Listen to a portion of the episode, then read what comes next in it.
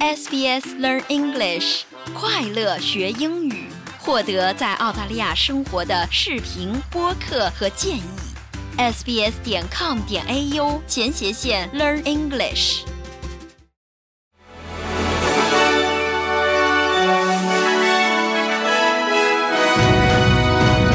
听众朋友，下午好，我是 SBS 记者 Helen。今天是二零二三年十二月十八号，周一。本期 SBS 新闻快报的主要内容包括：黎智英案首日开庭，贾斯伯在昆州北部造成前所未有的洪灾。过去一年，澳洲道路交通死亡人数超过一千两百人。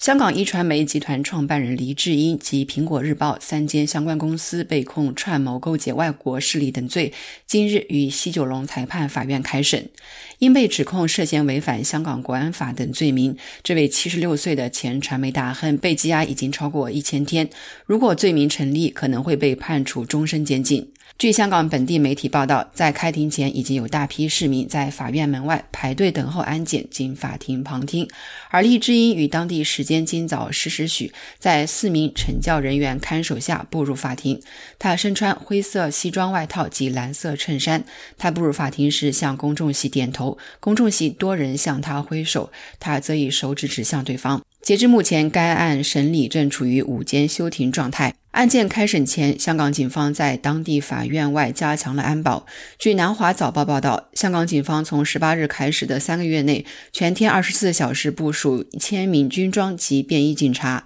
香港保安局局长邓炳强此前表示，进入法庭的人必须经过 X 光检查及搜查。警方不仅在法院周围一带加强安全巡逻，还将派出警犬协助搜查爆炸物。此案已经引发了国际社会的密切关注。彭博社的报道中称，黎智英案是北京在香港实施国安法后迄今为止最引人注目的案件，也是中共领导人习近平镇压香港言论自由达到登峰造极的地步。美国国务院谴责了香港特区政府在香港国安法下起诉黎智英，并敦促港府立即释放他。美国国务院发言人马修·米勒周日在官网发布的声明中说。黎智英在案件开审前已经被扣押了一千多天，港府和北京当局拒绝让他选择法律代表。他说：“我们敦促北京和香港当局尊重香港的新闻自由，压制新闻自由和限制信息的自由流通，以及北京和港府更改香港选举制度，降低直接投选和排除自由和泛民主派政党候选人参选，削弱了香港民主机构的地位，也损害香港作为国际商业和金融中心的声誉。”英国外交大臣大卫·卡梅伦在黎智英案开审前发布声明说，他特别关切对黎智英出于政治动机的起诉。卡梅伦在十二日会见了为游说英国帮助黎智英获释的黎智英之子黎崇恩。黎智英案预计审讯将为期八十天，由三名国安法指定法官审理，不设陪审团。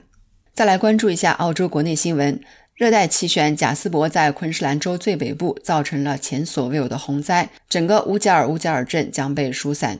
昆士兰州警察局局长卡塔琳娜·卡洛尔表示，随着洪水略有消退，今早被困在乌加尔乌加尔医院屋顶上的一群人，包括九名成年人和一名七岁儿童，已经能够自行撤离。一旦紧急救援人员能够到达，这个原住民小社区的三百名居民将被转移至库克敦。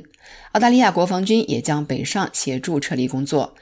气象局对道格拉斯港、丹特里村、乌加尔乌加尔、库克敦和霍普维尔发布了恶劣天气预警，但对凯恩斯不再发布预警。绿党表示，昆士兰州的洪水灾害应该成为对联邦政府的一个警告，警告其不要开设新的煤矿和天然气矿。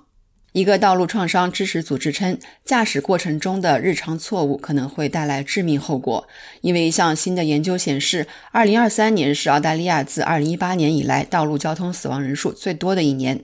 澳大利亚汽车协会的数据显示，截至11月30日的过去12个月里，澳大利亚的道路上死亡人数超过1200人，每天有超过100人因道路事故住院治疗。